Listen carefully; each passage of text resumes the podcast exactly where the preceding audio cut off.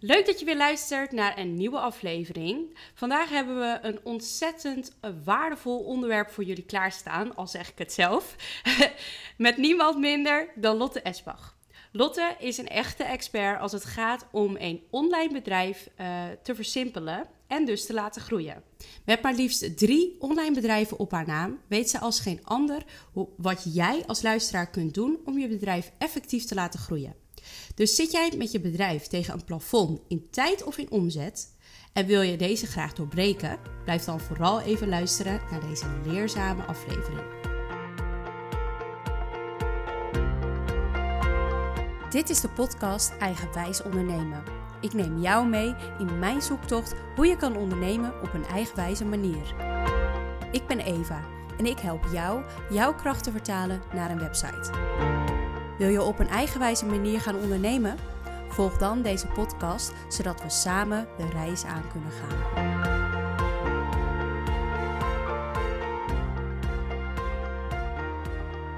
Nou, welkom Lotte. Heel leuk dat je er bent. Dankjewel, superleuk dat ik er mag zijn. Ja, wat zouden, ik zou heel graag willen weten, zoals elke aflevering uh, van mijn, uh, ja, van mijn uh, uh, gesprekspartner. Of jij een beetje eigenwijs bent geweest in jouw onderneming. ja, ik vind het echt een heel leuke vraag die je altijd stelt. En er komen ook altijd leuke verhalen naar boven. Um, ja, ik, ik ben best wel een beetje eigenwijs. Um, ik ben sinds 2015 ondernemer. Maar ik heb eerst, um, ja, denk vijf, zes jaar parttime ondernemer geweest. Dus ik heb in 2015 ben ik een reisblog begonnen. Uh, nadat ik terugkwam van een reis van een half jaar en uh, huilend op het vliegveld zat en dacht maar ik wil nog niet terug. Ik wil nog niet stoppen met reizen. En toen kom ik thuis dacht ik, oké, maar ik moet hier echt iets mee gaan doen. Dus toen heb ik een, uh, nou ja, gewoon on the site een reisblog gestart om een beetje mijn eigen ervaringen op te schrijven. En um, ja, helemaal nog niet echt met het idee van, oh, ik ga daar een bedrijf van maken. Maar ja, ik wilde me wel inschrijven bij de KVK, omdat ik dacht, nou ja, misschien dat ik ooit een keer iets van een sponsorship heb met een, met een, een hotel of met iets anders. En um, nou ja, dat, dat ging eigenlijk uh, gaandeweg. Um, ging dat steeds beter. Tot ergens eh, eind 2019 um, kwamen er 100.000 mensen per maand op die blog. En um, nou, dat, dat is wel echt serieus verkeerd. Dus toen dacht ik, weet je wat? Ik ga toch... Um, ik ga toch proberen. Ik ga proberen om hier echt mijn werk van te maken. Dat was eind 2019, hè? Dus uh, nou, een paar maanden voor corona. Dus ik had mijn baan opgezegd. Ik was ook op dat moment zwanger van uh, mijn tweede kindje. En ik had met mijn manager afgesproken van, nou, weet je wat, als we dan vervanging zoeken, dan zoeken we dat niet voor drie maanden, maar dan zoeken we, of vier maanden voor zwangerschapsverlof, maar dan zoeken we dat gewoon voor vast. En dan, uh, nou, dan ga ik het proberen en dan uh, spring ik in het diepe en dan probeer ik die reisblog, um, ja, om, om daar mijn baan van te maken. En toen uh, was het maart 2020 en toen ging niemand meer op reis. Dus toen zat ik daar met mijn mooie plannen. Uh, maar goed, ja, weet je, je moet wat. Dus toen ben ik eigenlijk uh, um, ja, twee andere bedrijven begonnen. Twee andere websites. Omdat ik inmiddels wel heel erg veel had geleerd over SEO. En over um, ja, hoe je op de eerste pagina van Google kan komen. Mm -hmm. Dus toen ben ik twee andere um, sites begonnen in twee andere niches. nou, uiteindelijk ben ik halverwege juni uh, in 2021 ben ik echt gestopt bij ING. En ik had daar best wel een best wel een goede baan. Ik, had een, uh, ik was teammanager van een team van 30 mensen, mooi inkomen. Ik werkte uh, 36 uur, dus vier dagen in de week werkte ik. En toen zeiden best wel veel mensen tegen mij van... Maar zou je dat nou wel doen? Want je, je, ja. je geeft zoveel op. Um, maar daarin was ik dus ook best wel eigenwijs dat ik dacht van... ja, maar ik wil dat gewoon wel. Ik wil ja. um, gewoon eigenlijk mijn eigen tijd kunnen indelen. Ik wil niet met twee kleine kinderen... nou ja, eigenlijk de eerste zijn die ze op de opvang brengt... en de laatste die ze ophaalt. Dat, dat wil ik gewoon niet. Ik wil uh, niet in de stress zitten als ze weer een keer bellen van de opvang van ja, ze hebben een snottenbel en ze mogen yeah. niet komen. Dat, yeah. dat wil ik gewoon niet meer. Um, yeah. Dus ja, daarin ook best wel misschien een beetje eigenwijs geweest door te zeggen van ik ga het toch echt gewoon wel doen. En, um, en toen uiteindelijk heb ik in het voorjaar van dit jaar, net toen mijn reisblog eigenlijk weer uh, ja, best wel heel goed ging lopen. Want natuurlijk na corona, iedereen ging weer reizen. Ik heb een jaar lang die hele website geoptimaliseerd voor uh, affiliate inkomsten en uh, voor traffic. Nou, dat, dat liep echt super goed. En toen zei ik, um, ja, ik ga het toch verkopen. Want ik vind het niet zo leuk meer. Um, nou ja, en, en wat het vooral ook was, is... Mijn zoontje gaat sinds vorig jaar naar school. En uh, dan heb je gewoon wat minder vrijheid qua reizen. Wij ja. hebben eigenlijk jarenlang gewoon een paar maanden per jaar in het buitenland gezeten. Ook vorig jaar nog in de zomer 2022 zijn we nog een paar maanden naar Thailand geweest met ons uh, gezin. En ja, dat, dat waren gewoon altijd keuzes die we maakten, omdat dat op dat moment nog kon. Maar ja, dat gaat nu gewoon niet meer, want hij moet naar school. Hij is uh, vanaf uh, vijf jaar leerplichtig. Dus toch misschien ook een beetje eigenwijs gezegd van... ik ga mijn succesvolle reisblog verkopen en ik ga weer iets nieuws beginnen. En dat is Esbach Consulting. Ja. Dat is een beetje mijn, uh, mijn ondernemersreis in een nutshell. En ik denk dat de rode draad vooral is dat ik keuzes heb gemaakt die pasten... die ja, bij mijn leven op dat moment. Ja, ja, nou, ik vind het wel mooi om te zien inderdaad dat je uh, in welke fase van het ondernemerschap dan ook hè, wel echt uh, tussen aanhalingstekens je eigenwijze uh, keuzes uh, hebt gemaakt. En dus echt gedaan wat er dus bij jouw eigen persoonlijke levensfase, maar ook bij de ondernemersfase waarin je dan verkeerd weer past. En we hebben het al eventjes in het intro natuurlijk gezegd uh, dat jij uh, wat dat betreft wel een beetje de expert bent als het gaat om uh, je bedrijf te laten groeien. En om nog specifieker te zijn, doe jij dit op de lean manier. Zou jij eens willen ja. vertellen aan de luisteraar die het woord lean nog niet kent, wat het, ja, wat het precies inhoudt? Ja, ja. Ja, lean. nou, voor, voor veel mensen is het een beetje een, een vaag begrip, maar eigenlijk is het um, ja, een hele praktische methodiek waarmee je je online business, maar ook offline business efficiënter kan maken. En het helpt je eigenlijk om te ontdekken waar je jouw kostbare tijd en resources, middelen verspilt. Dus wat je eigenlijk doet in de Lean-methodiek is heel kritisch kijken naar welke, welke dingen die ik doe, welke werkzaamheden die ik doe, voegen nou waarde toe en welke niet. En um, nou, om dat even concreet te maken, is bijvoorbeeld een, een taak die waarde toevoegt, is bijvoorbeeld een één op één coaching sessie met een klant. Of ja. uh, nou, wat jij doet, het maken van een uh, branding, een, een mooie gebrande website voor een klant die past ja. bij wat zij uh, of hij doet. Um, of het opnemen van een, een, een, les voor je online training. Maar een taak die geen waarde toevoegt voor je klant, is bijvoorbeeld het aanpassen van je, van je lettertype in al je marketingmateriaal. Of blijven pielen over een, een, een, afbeelding die net niet helemaal lekker staat op je website of zo. Ja. Dat, dat voegt geen waarde toe. Dus als je online business zeg maar, wil optimaliseren en wil, slimmer wil inrichten, dan zijn die lean principes zijn een heel mooi uitgangspunt. Ja. Want dat betekent vooral focus op de dingen die er toe doen. En dus uiteindelijk meer gedaan krijgen met, ja, met minder moeite. Ja, dus dan heb je het eigenlijk over uh, inderdaad het, het uh, perfect maken van je Instagram, uh, hoe zeg je ja. dat, ja. account. Van je feed. Ja, ja, van je feed. Dat is niet, behoort niet tot iets wat daadwerkelijk bijdraagt aan directe omzet. Um, en het is eigenlijk kijken wat dus uh, concreet leidt tot omzet of ook echt daadwerkelijk wat oplevert in het bedrijf op de lange termijn. Uh, wat je dus gaat filteren en daardoor keuzes gaat maken wat je dus wel en niet gaat aanpakken. Ja, ja je moet eigenlijk, nou, het is ook een beetje die 80-20 regel, dat je 80% van je tijd besteedt aan de 20% van de dingen zeg maar, die die er het meeste toe doen, die het meeste verschil maken voor jouw bedrijf, waarmee je dus inderdaad groeit qua omzet of een betere service levert aan je klant. Of mm -hmm. um, nou ja, ja, dat eigenlijk. Of waardoor je minder tijd hoeft te besteden aan iets. Ja. En uh, hoe moet ik dat dan uh, zien qua, uh, ja, qua hoe je dat dan toepast? Wat zijn dan een beetje de, de, de elementen die je langsloopt? nou, Lean heeft een aantal principes, maar misschien is het is het leuk om eerst even kort te vertellen over de echte oorsprong waar Lean vandaan komt. En ja. dat is uit de productieomgeving. Uh, dus Lean is eigenlijk bedacht door uh, Toyota in Japan in de jaren 50, 60.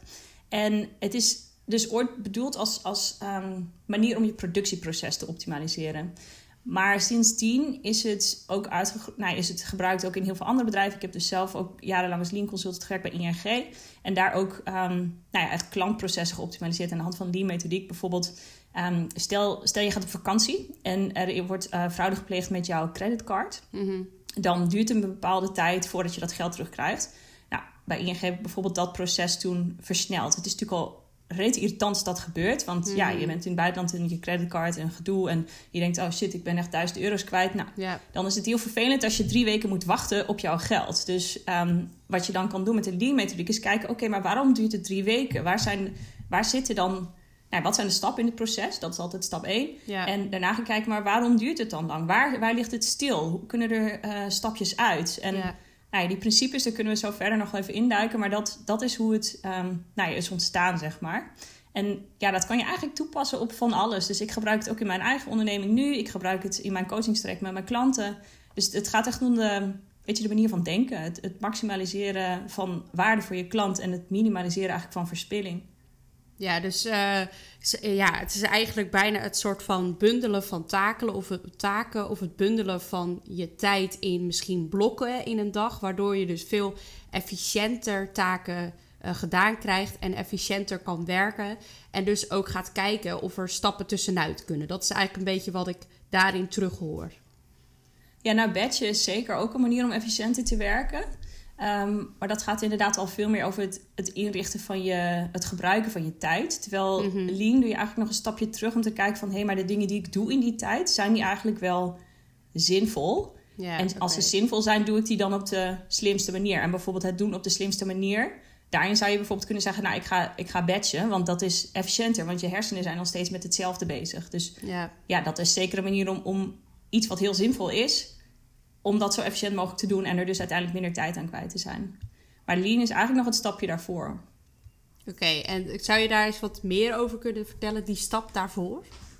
Ja, uh, nou ja, misschien, misschien is het dan handig om te gaan kijken naar de, een beetje de principes van lean. Want dan, ja. dan kan ik gewoon nog wat meer vertellen over ja, hoe, hoe ziet die methodiek er nou precies uit en hoe kan je hem dus ook gebruiken in jouw business. Mm Ja, lean. Um, nou, er zijn eigenlijk vijf principes en dat, dat is waarde, waardestroom, flow, pool en perfectie. En dat, dat klinkt misschien heel vaag, maar we gaan ze gewoon even één voor één bij langs. Anders denk je, wat de fuck is flow? Maar um, nee, laten we beginnen bij waarde. En eigenlijk waarde is, is niks meer of minder dan ehm, ja, de, het bepalen wat jij in jouw bedrijf levert aan jouw klant. Wat, wat een klant als waardevol ervaart. Dus een klant huurt jou bijvoorbeeld in om de perfecte website die aansluit bij zijn of haar brand uh, te maken. Ja. En dat is de waarde die jij levert voor je klant. Bij waarde gaat het er dus om dat je gaat bepalen van... hé, hey, maar welke dingen die ik doe in mijn bedrijf... die voegen dus waarde toe voor mijn klant. Ja. Um, en welke niet. Dus als je bijvoorbeeld um, diëtist bent of voedingsdeskundige... en je helpt klanten met uh, gewichtsverlies, gezond gewichtsverlies in een één op één coachingstraject, dan is de waarde die jij levert aan je klant, dan is dat het bereiken van het gewenste gewicht op een manier die past in de levensstijl van die klant. Dat is de, de transformatie die je verkoopt aan je klant en het resultaat wat iemand kan bereiken met jouw hulp. Mhm. Dus dat is eigenlijk wat waarde is. En de, de waardestroom is vervolgens de manier waarop je dat levert aan je klant. Dus eigenlijk de, de customer journey die de klant doorloopt op het moment dat hij zegt van... hé, hey, wij gaan aan de slag samen.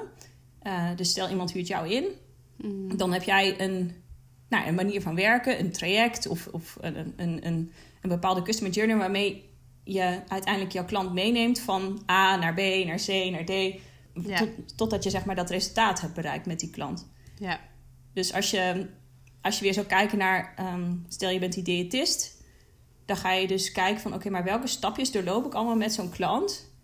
Op het moment dat die binnenkomt, van nou, dan ga je misschien wel een intake doen. Uh, dan ga je vragen, wat zijn je doelen? Uh, hoe ziet je leven eruit? Uh, nou, afslagdoelen bepalen, et cetera. En dan uiteindelijk ga je in die waardestroom, dus die customer journey, ga je zo kijken dat dit zo efficiënt mogelijk verloopt. Waarmee je uiteindelijk dus dat beloofde resultaat, namelijk dat gewenste gewichtsverlies, behaalt. Ja. Ja, dus als ik hem even naar mijn eigen onderneming zou uh, uh, trekken, dan is het dus eigenlijk uh, een klant komt binnen, er komt een aanvraag binnen. en wat doe jij dus vanaf dat moment? Uh, welke gesprekken zijn daar nodig? Wat voor informatie heb je nodig om die gesprekken te kunnen voeren? Uh, als het dan eenmaal een klant is, wat heb ik dan van hem nodig om mijn werk goed te doen? Uh, dus in mijn geval is het vaak zo dat de hosting naar mij verhuisd wordt. Nou, dan heb ik dus bepaalde gegevens nodig om die hosting te kunnen verhuizen. Die mailbox moet verhuisd worden. Daar heb ik ook ja, diverse informatie voor nodig. Er moet in, een, in het geval van een website moet er vaak een, eerst een een homepagina ontworpen worden, waarna er uh, daarna um, ja, eigenlijk de rest van de pagina's op basis van de feedback die eventueel dan komt weer wordt ontworpen. Nou, dan is er een ontwerp. Nou, dat ontwerp dat moet dan vervolgens gecodeerd worden. In die fase heb ik dan uh, het ook nodig dat er eigenlijk content vanuit de uh, klant gaat komen. Dus dan is het handig dat ik teksten en foto's krijg, zodat ik die kan uh, nakijken op, op passendheid binnen het ontwerp. Nou ja, dan is die website klaar. Dan staat die op een demo. En nou, dan kan er eventueel nog feedback komen op, op, op daarop. Uh, en dan ga je eigenlijk samen met de klant uh, vullen. Dan is er een vuldag. Uh, dan, is er, dan, dan, krijgen ze ook een handleiding hoe ze zelf hun website aanpassen. Um, ja, en als dat na zo'n vuldag, zo'n website dus helemaal optimaal is. Uh, dan ga je hem eigenlijk online zetten. En dan spreek je dus een datum af. Dus eigenlijk dat gehele proces, dat ga je dus uh, in, in de lean manier in kaart brengen. En dan ga je dus kijken, uh, kunnen er stappen tussenuit? En ja. um, kan het eventueel efficiënter geregeld worden? Ja, ja. Ja, en um, nou, als, ik weet niet of we nog tijd hebben, maar laten we kijken of we er toe komen. Dan gaan we het nog hebben over dus manieren um, van, van verspilling binnen Lean. Ja. En nou ja, dat is aan de ene kant inderdaad uh, uh, stapjes ertussen uithalen, dus overdracht. Maar een andere bijvoorbeeld, ik hoorde je net zeggen, um, we hebben een, een vuldag. Nou, een ander principe van Lean is flow. En dat betekent eigenlijk dat op het moment dat een klant binnenkomt, dat hij eigenlijk soepel een soort van door jouw proces heen stroomt, door ja. jouw klantreis. Nou, stel mensen leveren iets niet op tijd aan voor die vuldag, dan, dan stagneert het proces, want dan kan jij niet verder. Ja, klopt. Dus je moet je proces zo inrichten dat, dat die flow, zeg maar, nou ja, dat dat zo, zo soepel mogelijk gaat. Dus daardoor moeten er heel duidelijke afspraken zijn tussen jou en je klant. Ja, ik moet het bij, op die datum hebben, want anders dan kan ik niet verder voor jou. Dan kan ik dus niet mijn waarde leveren voor jou. Ja, Um, en vice versa natuurlijk ook. Dat, weet je, stel ik heb iemand in mijn één op één traject en, en vervolgens heb ik een maand lang mijn agenda geblokt. Dan, en er is geen ruimte om een afspraak in te plannen. Ja, dan doorbreek ik zeg maar de, de flow. flow, want, ja. want ja, het staat stil. We staan stil. ja, Uh, dus ja, flow is eigenlijk ook wel de, de manier waarop iemand dus nou, heel soepel eigenlijk, moeiteloos door jouw proces heen moet stromen, stromen zeg maar. En, en daarin moet je inderdaad ehm, ja, kijken naar al die stapjes in je proces, wat je net ook benoemde, van om, hoe, hoe je die zo slim mogelijk kan doen. Dat, ja. dat het voor een klant eigenlijk zo logisch is dat hij bepaalde dingen moet aanleveren. Dat, het, dat er daar eigenlijk geen vragen over zijn. Want hij weet precies wat hij moet aanleveren, hoe hij het moet aanleveren, wanneer hij het moet aanleveren, via welk kanaal, et cetera. Dus ja. Ja, dan als daar weer vragen over komen, dat is eigenlijk ook een onderbreking van het proces weer. Ja. En, en dat kan dan dus per definitie al def- ja, efficiënter. Want als die vraag er niet was geweest, dan had het jou minder tijd gekost, want je hoefde de vraag niet te beantwoorden. En de klant ook, want die had niet de vraag hoeven stellen. Dus ja. Ja, je kan echt heel kritisch zijn op, op eigenlijk al die stapjes. Ja, en zou je dus inderdaad zoiets praktisch als, eh want je, ja, dat merk ik inderdaad wel dat eh, eh, bij het vullen vaak eigenlijk het, het stagneert. Dus dat is een heel goed voorbeeld daarin. Want men, en dat zie ik zelf ook wel. Hoe moeilijk is het om voor je eigen website teksten te schrijven, zeker als je dienstverlenend bent? Ja, hoe Ja. zorg je nou voor Ja. goede sales teksten? Ehm, ja, dan zou eigenlijk in die fase zou het handig zijn als iemand een soort van of een video krijgt eh, waarin, ze, waarin je ze dus meeneemt in, hoe schrijf je goede teksten voor je website, hoe lever je goede eh, foto's aan, zodat inderdaad mensen direct of ondernemers, bedrijven direct weten: oké, dit wordt van, van mij verlangd. Eh, eh, dit moet Ja. ik dus gaan doen. En dat moet ik gedaan hebben voor x datum, zodat ik eh, op de afgesproken tijd online kan. Eh, elke keer dat dat langer duurt natuurlijk, is ook de website later online. En eh, snappen ze dan inderdaad de, eh, dat dat zo werkt? En eh, komen ze er ook uit of lopen ze er ook echt op vast? En kan je daar dan dus op bijsturen? Ja, ja nou, dat is inderdaad een hele goede. Kijk, het, het, het ehm, in kaart brengen van je proces, van je waardestroom, is eigenlijk één ding. Maar daarna kan je, en dat is ook lean, gaan kijken met de, met de D-Make-methode. Dat is een bepaalde methode waarmee je eigenlijk processen kan verbeteren. Ga je kijken van, oh, maar ik zie dus, ik constateer inderdaad dat, dat maar, nou, laten we zeggen, de helft van mijn klanten vastloopt op die, op die vuldag. Ja, Ehm, en dan ga je kijken van oké, maar wat zijn dan inderdaad eh, mogelijke oorzaken? Eh, waarom lopen ze vast? Is dat, eh, dat ze inderdaad niet, niet goed weten wat ze er neer moeten zetten? Is het dat ze ehm, gewoon heel erg lastig vinden om die teksten te schrijven? Ja. Ehm, en dan kan je gaan kijken van oké, maar wat zijn dus die oorzaken? En vervolgens ga je zoeken naar mogelijke oplossingen voor die oorzaken. Kijk, als mensen gewoon niet, is misschien een slecht voorbeeld, maar misschien weten ze gewoon niet hoe ze het moeten aanleveren. Nou, dat is makkelijk op te lossen. Ja. Terwijl als ze niet het gewoon heel lastig vinden om die teksten te schrijven, dan kan je zeggen: Oké, maar misschien kan ik al eerder in mijn proces aanbieden dat ze een keer met een copywriter gaan praten over Mm. hun teksten. Ja, Zodat ze niet vastlopen uiteindelijk voor die vuldag. Ja. Dus ja. ja, dat, dat, dat, uh, dat, dat stukje analyse, zeg maar, dat is ook heel belangrijk. Van waarom stagneert iets? Waarom loopt een proces niet soepel? Ja. Ja, en uh, is, dat, is flow dan ook de laatste van de principes van Lean? Of is er, want ik dacht dat er nog één was. Nee, we zijn bij uh, nummertje drie. Flow is nummertje drie. Oké. Um, dus er zijn er nog twee. Ja, nee. Um, het volgende principe is pool. En die vind ik eigenlijk wel heel leuk. Um, want als je weer even terugkijkt naar waar, waar Lean vandaan komt, dat is dus productieomgeving.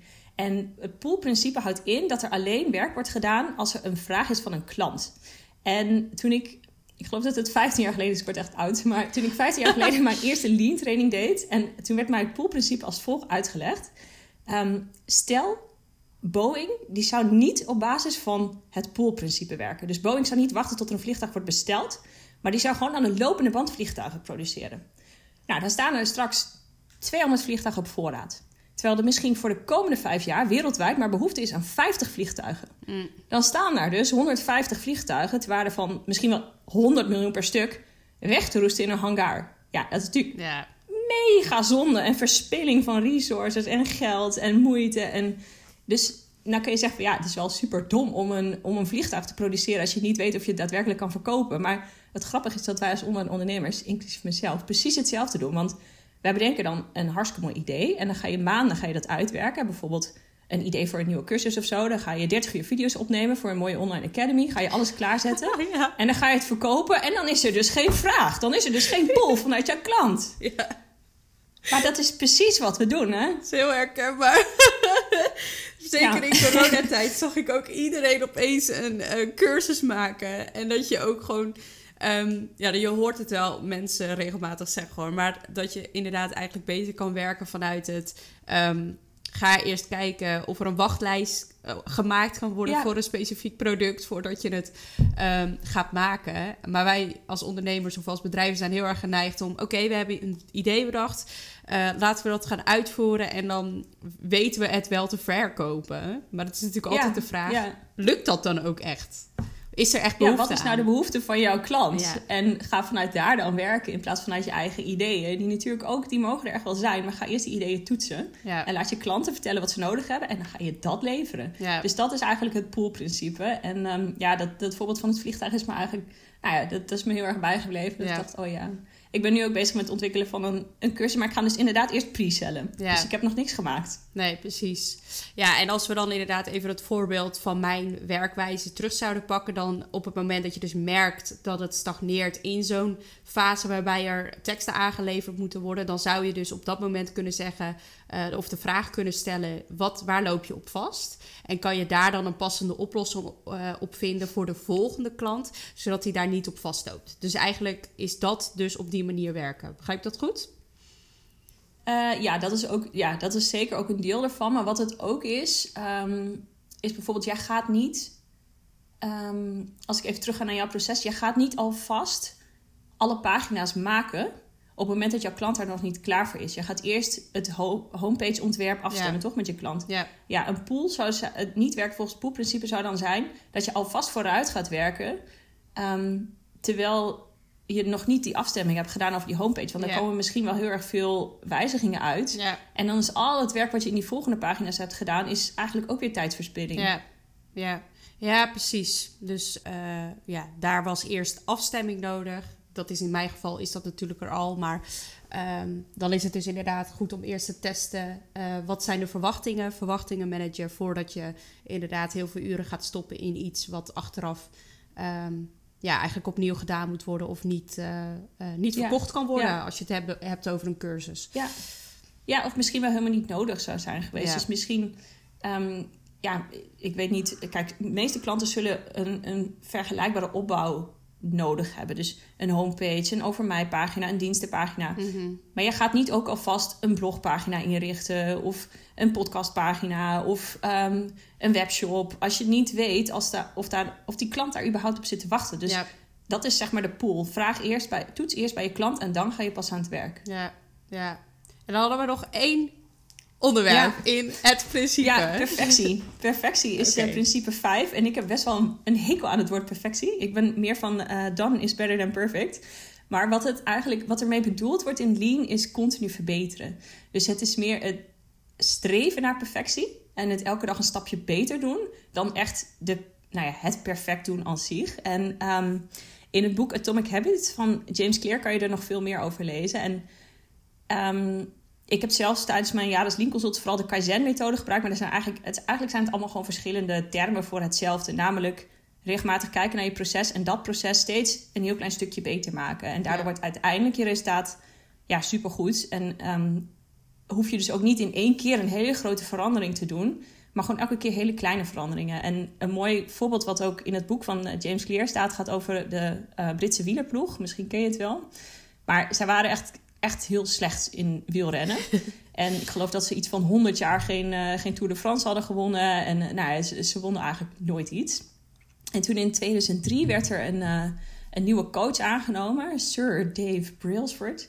En um, hij, hij zei van nee, maar wat we gaan doen is... we gaan eigenlijk elke dag proberen, of elke keer proberen iets 1% beter te doen. Elke ja. keer een klein beetje beter doen. En nou, dat, dat zat hem in uh, de onderdelen van de fiets 1% beter maken, in de fietskleding een procent beter maken, het trainingsschema een procent beter maken, uh, voeding 1% beter maken, onderhoud 1% beter maken. Gewoon alles wat ook maar met die fietsen te maken had en met het wielrennen. Elke keer ging het één stapje beter maken. En in 2008 wonnen ze 60% van de beschikbare gouden medailles. Zo. En sindsdien nou ja, zijn ze gewoon echt weer een naam geworden in de wielenwereld. Dus ja, ja dat, dat stukje perfectie, die laatste, is echt kleine stapjes. En daarmee bereik je uiteindelijk een heel groot resultaat. Ja. ja, je hoeft niet grote dingen te doen om wel een groot verschil te maken. Soms kan een klein, ja. kleine aanpassing juist dat grote verschil, het grote resultaat eigenlijk teweeg brengen. Ja, nou ja, vooral als je het consequent blijft doen. Ja, dus, dus blijf ook gewoon. Kijk, je hoeft echt niet elke dag je, je proces om te gaan gooien. Dat helemaal niet. Maar je kan wel. Um, weet je, elke week even kijken van... hé, hey, maar zie ik nou, ook in jouw geval bijvoorbeeld weer... zie ik nou vragen terugkomen van klanten? Hmm. Zie ik een rode draad in mijn mailbox qua vragen? Nou, als dat zo is, dan betekent dat dat een klant dus informatie mist... of niet precies weet hoe hij iets moet doen. Of ergens, ergens is er iets onduidelijk. Dus Ja, kijk dan waar je die informatie... hoe je die informatie op een andere manier aan je klant kan geven... ja, zodat hij dus weer niet vastloopt... en nou ja, dat het proces soepel kan blijven lopen... ja, Ehm, ja, en, en door elke keer gewoon wel kritisch te blijven kijken naar, naar kleine dingetjes waarvan je ziet van hé, hey, hier loopt het gewoon even niet lekker. ja, Ehm, of het uittekenen ervan, dat helpt ook altijd. Ehm, Ja. Dat je er dan achter komt van oh, misschien stuur ik wel drie verschillende mailtjes, terwijl ik dat ook kan bundelen in één mail. ja. Ja, dat zijn maar hele simpele dingen, maar uiteindelijk is het voor je klant dan dus veel duidelijker. Want die denkt niet, oh, het stond, welk mailtje stond het ook weer? Nee, ik Ja. heb gewoon één mail ja. en daar kan ik alles vinden. Ja. ja, en ik heb dat ook hoor. Dat ik dan inderdaad. eh, eh, volgens mij was, ik, was dat vorige week. Ja, vorige week zat ik bij een klant. Ehm, en toen zei ik ook tegen haar: Ik heb het gevoel dat we, eh, als het gaat om aanpassingen die dan op de website gedaan moeten worden, ehm, met name in de vakantieperiode, dan zie je dus dat. Eh, die vraag wordt voor haar vakantie gesteld. Dan ben ik op vakantie. Dan is een andere partner in het bedrijf is op Ja. vakantie. En daardoor eh, ja, loopt dat proces niet echt gestroomlijnd. Dus ik heb ook tegen haar gezegd: ja, kunnen we niet iets van een, ja, ik, eh, een Trello-bord maken. Waarbij we dus alle vragen, alle to-do's eigenlijk gaan bundelen. En dat we dus ook elke keer weer terug kunnen refereren naar: oké, wat waren de, de key points? Wat wilden we graag bereiken met jouw website? Eh, wat, eh, welke doelen hoorden daarbij of welke werkzaamheden hoorden daarbij? Ehm, en kunnen we vanuit daar dan gaan werken? Dus dat je wel gewoon elke keer kijkt van oké, kan het proces inderdaad beter? En vraag dan eens na van wat zou je daar zelf fijn in vinden? Ja, ja. Nou ja dat is inderdaad een hele, een hele goeie. Want heel vaak, ehm, dat zit ook een beetje in het stukje, eh, nou ja, de, de vormen van verspilling. Ja, Wachten, wachten is, is sowieso verspilling van tijd. ja, Als jij moet wachten, of, of de klant, Klant, of ja. eh, degene in haar team die moet wachten. Wachten is een van de acht vormen van tijdverspilling in Lean. En dat is gewoon altijd zonde. Dus als je dat kan voorkomen, doordat je inderdaad afspraken maakt... of doordat informatie ergens anders beschikbaar is... en je dus niet met elkaar hoeft af te stemmen, bijvoorbeeld in dat Trello-bord... ja. ja, dan, dan hoef je niet te wachten. Dus dan verlies je minder tijd. Ja, precies. En ehm, wat zie jij nou voornamelijk in de praktijk als van, ja, het verschil tussen wel lean werken en niet lean werken? We hebben natuurlijk al wel een paar dingen gehoord, maar vertel. Het verschil tussen mensen die wel of niet ehm, lean werken. Nou ja, wat ik, wat ik veel zie is dat mensen vooral heel hard werken. En hard werken hoeft niet per se, dat is niet altijd nodig. Alleen mensen zitten zo in die flow van, van werken, werken, werken, werken, dat ze het heel lastig vinden om even een stapje terug te nemen. En dus inderdaad de tijd te nemen om, om eens te kijken naar, naar jouw proces. Ehm, en dat is ook altijd het eerste wat ik doe met, nou ja, met klanten die in mijn één op één traject zitten. Laten we gewoon eens kijken waar besteed jij nou in jouw week heel veel tijd aan. Nou, stel dat is inderdaad het, het onboorden van nieuwe klanten. Dan gaan we dat proces als eerste uittekenen. Welke stapjes zitten er allemaal in? En ja, het verschil wat ik zie is dus de mensen die af en toe, nou, die wel echt zichzelf een soort van uh, schop onder de kont geven van, oké, ik moet nu, ik moet nu, ondanks dat ik het super druk heb, moet ik nu eerst gaan kijken hoe het komt dat ik het zo super druk heb. Ja. In plaats van altijd doorrazen. Maar dat is heel erg lastig. En dat vind ik zelf ook heel erg lastig. Ik moet mezelf ook echt wel eens eruit trekken. Want ja, je bent, weet je, als ondernemers zijn we allemaal mega gedreven. We hebben allemaal, houden we heel veel van ons bedrijf. En eh, ja, er is gewoon altijd heel erg veel te doen. Dus het is ook heel lastig om die uh, voor je gevoel, ja, tijd, tijd te nemen voor het uittekenen van iets, van een proces. Terwijl op termijn kan je dat heel erg veel opleveren, maar zo voelt het niet altijd meteen. Want je denkt, ja, maar ik heb er helemaal geen tijd voor, want ik heb nog, weet ik veel, twintig mailtjes en ik heb drie afspraken en ik moet nog dit, ik moet nog dat, ik moet nog posten, ik moet nog... Ja, je moet altijd dingen, maar ja, echt toch even jezelf eruit trekken en met een helikopterview te kijken, dat gaat je op de langere termijn echt zoveel tijd opleveren. Dus dat is, ja, dat is eigenlijk ook wel een tip die ik dan misschien mee kan geven aan de mensen die naar de podcast luisteren. Uh, hoe lastig ook, trek echt, blok gewoon, weet je, al is het uh, één keer in de maand even een ochtend of een middag voor jezelf. En ga dan heel kritisch kijken naar, hé, hey, maar wat kost me nou te veel tijd? Ja. En teken dat uit. En kijk waar je dus die stapjes eventueel kan versimpelen of kan automatiseren. Of uh, misschien zelfs uitbesteden. Um, ja, dat, dat zijn echt wel uiteindelijk moet je gaan kijken naar hey, hoe kan je jouw tijd zo goed mogelijk gebruiken. En um, ja, je hebt maar, je hebt maar uh, ik weet niet hoeveel uur jij werkt, maar ik werk drie dagen. Ja, daarin wil ik toch eigenlijk wel maximaal resultaat halen. Ja. Ja, nee, ja, zeker. Ja, ik, ik, ik ben ook, uh, nou, mijn bedrijf, eh, dit specifieke Webvelopment bestaat al bijna nou, meer dan zeven jaar. En in die periode merk je ook echt wel, ik merk in ieder geval wel heel erg dat ik Ehm, toen ik net begon, deed ik alles zelf. Weet je, van administratie tot uh, social media, tot ehm, echt, echt alles binnen mijn bedrijf deed ik zelf. En als je uh, dat vergelijkt met uh, hoe het nu is, uh, ben ik nu veel meer aan het kijken, oké, hoe kan ik het dus praktisch doen?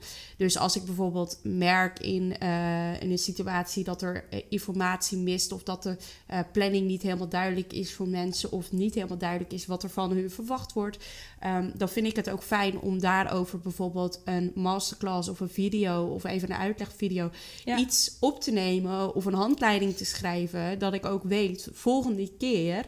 Um, ja. Als deze vraag komt, kan ik daar ook op handelen.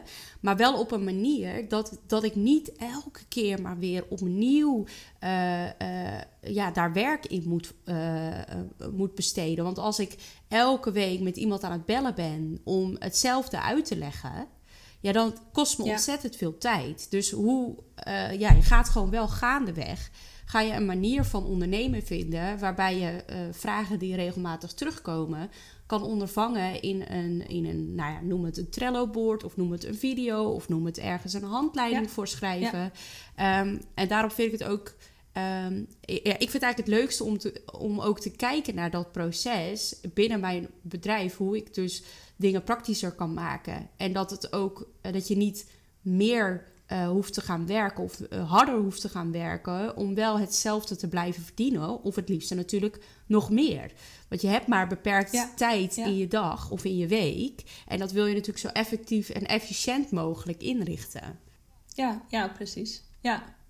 Maar dat is, um, het is gewoon lastig als je er zelf middenin zit. Want um, dan, dan zit je gewoon een soort van in de waan van de dag. En um, ja, daarom nou ja, daarom heb ik ook werk. Want het is makkelijker om van een afstand iemand, ja. Um, ja, met iemand mee te kijken dan wanneer je in je eigen bedrijf gewoon ja, heel hard bezig bent met allerlei dingen die voor jouw gevoel even belangrijk zijn. Um, en, en als er dan iemand nou ja, met een, een kritische blik um, ja, even meekijkt en meehelpt met: oké, maar waarom doe je het eigenlijk zo? En waarom doe jij het? En uh, moet het dan op deze manier? Ja. En kan het misschien ook zo? Of wist je dat er een tool is die dit kan doen? Of ja, dus al dat soort slimmigheidjes. Daarmee kan je uiteindelijk nou ja, weer een beetje terug naar, naar die kleine stapjes beter maken. Kan je uiteindelijk misschien wel uh, een hele dag besparen in je, in je week. Ja. ja, en dan kan je ervoor kiezen om, om te zeggen, nou, ik neem in die, in die tijd neem ik meer klanten aan. Of ik ga een nieuw, uh, weet ik wil misschien een nieuw project doen. Ja. Of, of ik ga gewoon uh, een dagje naar de sauna. Dat is ook. ja. Ja. Ja. Nou ja, en daarin natuurlijk ook de vraag: wat is voor jou dan, wat draagt het meeste bij aan, um, aan dat proces? Als, als de sauna elke, da- elke week uh, een dagje sauna voor jou helpt in het creatieve proces of uh, Ja. klanten beter te kunnen helpen, uh, doe dat Ja. vooral. Maar is het voor jou nodig of heb je zin om naast een bedrijf nog een bedrijf te starten? Of Ehm, ja, je kan natuurlijk die tijd zelf indelen. Misschien is uh, familie, vrienden um, en dat soort dingen zijn veel hoger op dat lijstje. Misschien wil je wel elke dag een lekker een uur uh, inderdaad een boswandeling uh, maken. Um, Ja, ja. Een ander die zegt, ik werk liever hard. Ik wil liever 40 uur per week werken. Ja, dat is natuurlijk, daar ben je Ja. zelf vrij in om, om die tijd dan in te delen die dan vrijkomt. Ja, maar dat is ook wel een hele goeie wat je zegt. Dat, ehm, dat je juist door, door die tijd nou ja, vrij te maken, dat je daardoor ook weer eigenlijk meer kan bereiken. Dat je, ja, ik weet niet hoe het met jou is, maar als ik door het bos loop, dan komen er allerlei ideeën Zeker. naar boven. Terwijl als ik achter mijn computer zit en ik moet, ik moet dan op dat moment bijvoorbeeld een tekst schrijven. Ja, dat is een stuk moeilijker. Terwijl als ik in het bos loop, dan neem ik het gewoon op uh, op, mijn, uh, op mijn telefoon. Ja. En dan daarna, dan, nou, hup, met AI laat je het even uitschrijven en dan pas je nog wat dingen aan. Ja. Dan is het gewoon zoveel makkelijker. Dus ook dat, ja, is een beetje manieren vinden hoe je nou, ja, zo, zo effectief eigenlijk, ja, zo effectief mogelijk kan werken eigenlijk. Ja, En ja, dat, dat is, noem het lean, noem het efficiënt werken. Um, ja, het maakt eigenlijk niet uit welke, welke term je ervoor gebruikt. Mhm. Maar wees gewoon wel kritisch op hoe je jouw tijd besteedt. En de dingen die je doet in je bedrijf. Ja, ja, ja. En um, als we kijken naar uh, als iemand, ja, als de luisteraar dus aan de slag wil gaan met uh, wat meer lean gaan werken, of um, welke vormen uh, van verspilling zie je dan uh, met name terugkomen, wat dus een goede leerles zou kunnen zijn voor de, ja, voor Ja. de luisteraar? Um, nou, er zijn er acht. Uh, ik zal ze even kort opnoemen en dan zal ik er denk ik even een paar uitpakken die, het, die ik het meeste zie. Um, nou, de, de acht vormen zijn transport, voorraden, beweging, wachten, overproductie, overbewerking, uh, defecten en onderbenutting van talent. En ik denk dat dat um, overbewerking, is misschien even goed om, om uit te leggen, is dat betekent wanneer iets eigenlijk, wanneer je meer tijd ergens aan besteedt, het meer aanpast dan noodzakelijk. En we hadden het daar ook al even over, bijvoorbeeld met, met die social media post. Um, bijvoorbeeld het eindeloos blijven verbeteren Ja. van stukjes tekst. Of het eindeloos blijven prutsen met een, een mock-up. Weet je, goed is goed genoeg. Het doorlopend aanpassen of, of perfectioneren van, je, van je, nou ja, je plaatjes, je digitale producten en zo, dat, dat levert uiteindelijk niet meer waarde op voor je klant. Want het is al eigenlijk al goed genoeg voor je klant. Uh, dus dat is wel eentje die, die wel vaak terugkomt bij veel ondernemers, omdat we het heel graag perfect, willen doen. Ja. Ja, ik zie dat ook wel hoor. In de, in de, met name uh, op de website. Dat je eigenlijk die tekst nog even wat beter wil schrijven misschien. Of net even die foto wat anders. Um, en wat ik daar ook wel een goede vind, is uh, te bedenken... Um, hoe haal ik mijn klanten binnen? Als ik bijvoorbeeld kijk naar mezelf. Ik ben best wel actief op social media. Um, en uh, ben ook wel veel aan het netwerken. En dat doe ik ook vaak offline. Dus ik ga een kop koffie met iemand drinken. En als je kijkt naar hoe uh, de klanten. Uh, ja, hoe ik klanten een beetje bind eigenlijk, of hoe, hoe ik partners bind, is het vaak door middel van die kop koffie. Ja. Of dat gesprek via DM. Ja. En tuurlijk, de tekst op je website is echt wel erg belangrijk. Ja. Maar de klanten binnenhalen, dat doe ik eigenlijk met al die randzaken. Ja. Dat doe ik niet specifiek met die website. En dat is een beetje gek om te zeggen als websitebouwer natuurlijk. Want ik hamer natuurlijk heel erg op een mooie, perfecte website die goed aansluit bij de doelgroep. Maar er is ook een soort van um, plafond wat je daaraan kan halen. Op het moment dat het goed is. Ja, dat is ook weer die 80-20 Ja. regel. Hè? Kijk, het moet wel goed zijn. Wat jij ook zegt, tuurlijk, het moet wel goed zijn. Je moet niet een website hebben dat mensen denken: eh, nee, dit ziet er Ja. echt niet uit. Of oh, ehm, nee, dit spreekt me totaal niet aan. Dus het moet wel goed zijn.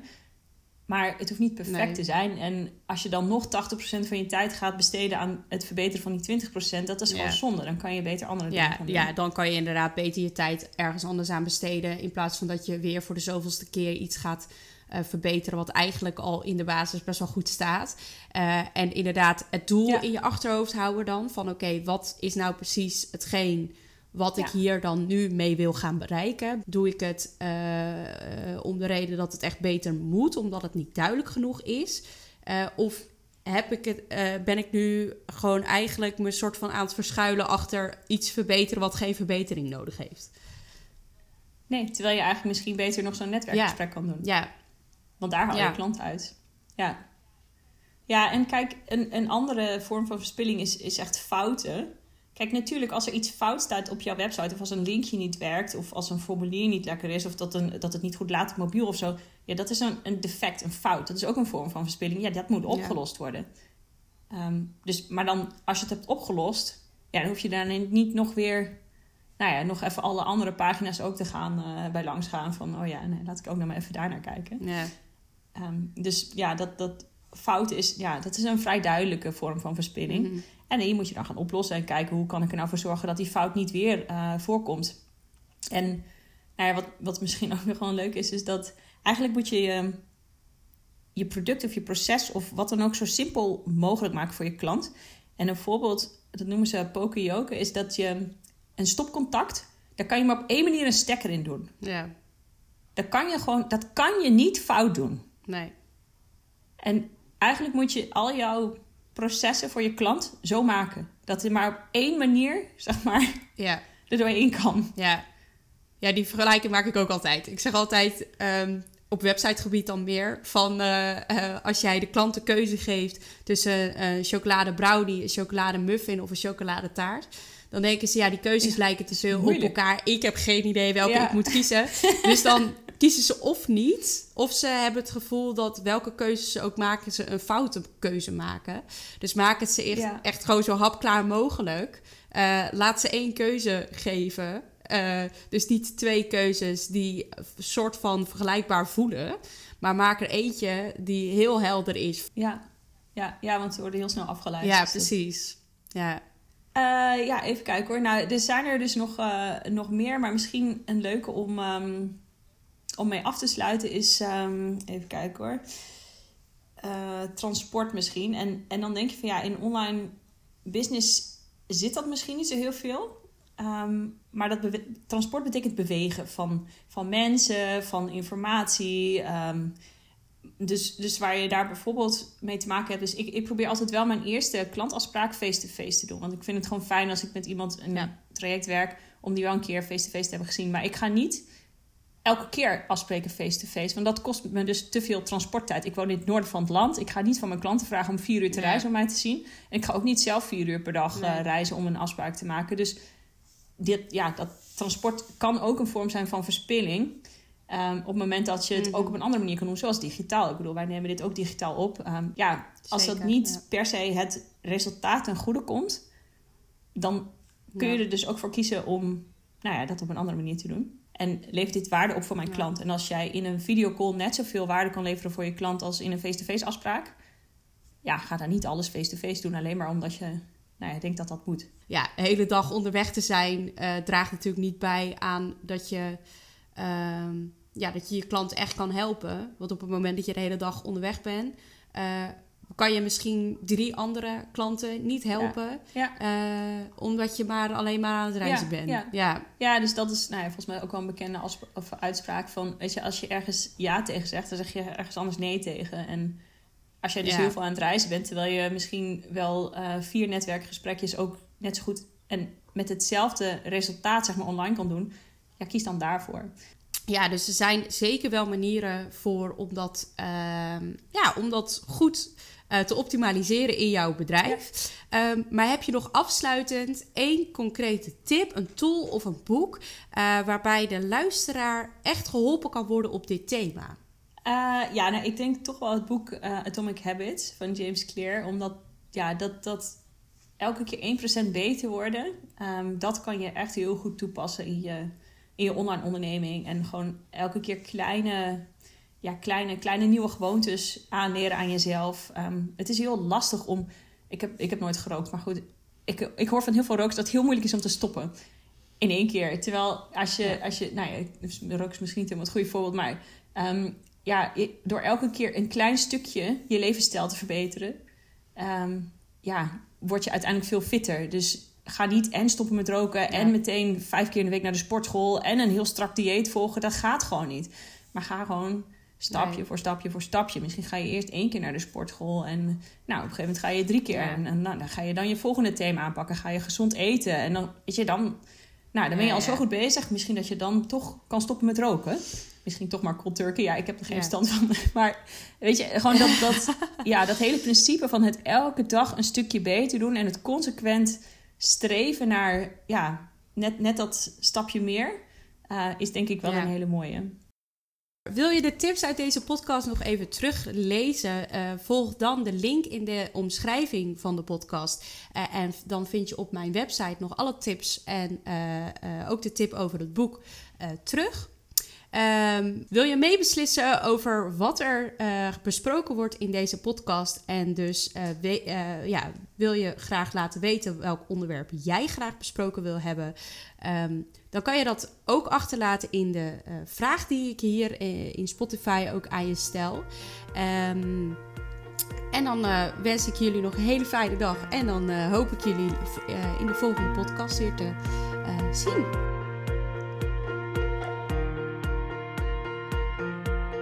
Heel erg bedankt voor het luisteren naar deze aflevering. Ik hoop dat ik je heb kunnen inspireren. Ik zou het heel leuk vinden als je mijn podcast zou volgen, zodat je geen enkele aflevering meer hoeft te missen. Ben je op zoek naar meer ondernemerstips? Vergeet dan vooral niet webdevelopment.nl te volgen op Instagram. Voor nu, tot de volgende keer.